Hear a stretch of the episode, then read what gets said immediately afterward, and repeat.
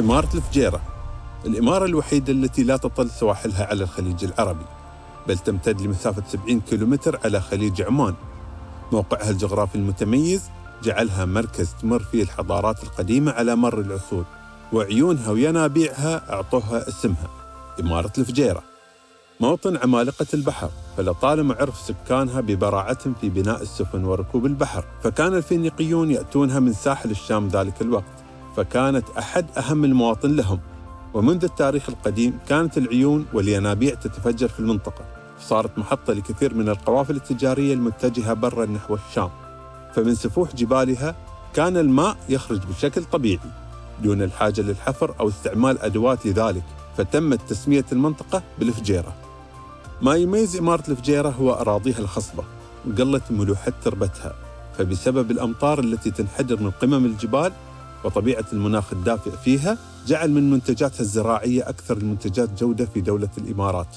وبسبب استراتيجية موقعها الذي جعلها المنفذ الرئيسي للدولة على المحيط الهندي استطاعت الإمارة استقطاب حركات الملاحة العالمية إليها.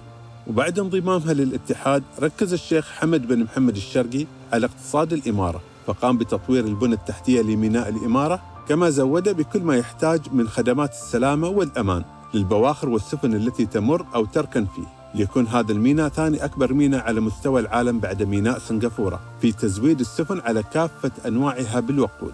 وليس هذا فحسب فالإمارة تعد أهم الأماكن في العالم التي تقدم الخدمات في نقل وتخزين النفط ومشتقاته. كما يوجد في ميناء الإمارة أعمق رصيف بحري في العالم وهو مخصص لناقلات النفط العملاقة. بفضل الرؤية البعيدة للشيخ حمد بن محمد الشرقي تعيش الإمارة اليوم أزهى عصورها وهي تتطور بشكل دائم. أما عن جمال الفجيرة فهي تعد أحد أجمل المناطق في الدولة طبيعياً بسبب العيون والأودية الطبيعية وتحوي الينابيع الكبريتية الساخنة التي يقصدها الناس بغرض الاستشفاء. كما ساحلها المطل على بحر عمان فهذا الساحل المميز يجذب العديد من النشاطات الترفيهية إليه مثل سباقات القوارب ورياضات التزلج على الماء.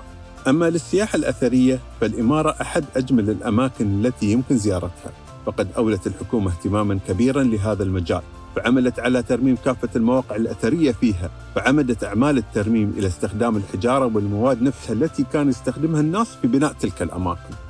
فمن أشهر القلاع الموجودة في المنطقة هي قلعة الفجيرة أو الحصن والتي ترتبط ارتباطا وثيقا بتاريخ الإمارة قديما. فكان لهذا القلعة الدور الرئيسي في حماية الإمارة من الغزاة.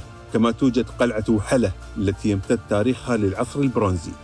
وللتراث الشعبي والرقصات التقليدية جزء هام من عادات سكان الإمارة فهذه الرقصات تحمل مدلولات عدة مثل الفرح والنصر والغزل مثل رقصة العيالة التي تعتمد على صفين متقابلين من الرجال بينهما فرقة موسيقية تقرع الطبول. فهذه الرقصة وعلى مستوى الدولة تجتذب الكبير والصغير فهي تجسد معاني القوة والتآخي في آن معا ولعل قرية الفجيرة للتراث المكان الأهم الذي يصور الماضي القديم بجميع تفاصيله مثل الأدوات القديمة التي كان يستعملها الأجداد وأساليب الري القديمة.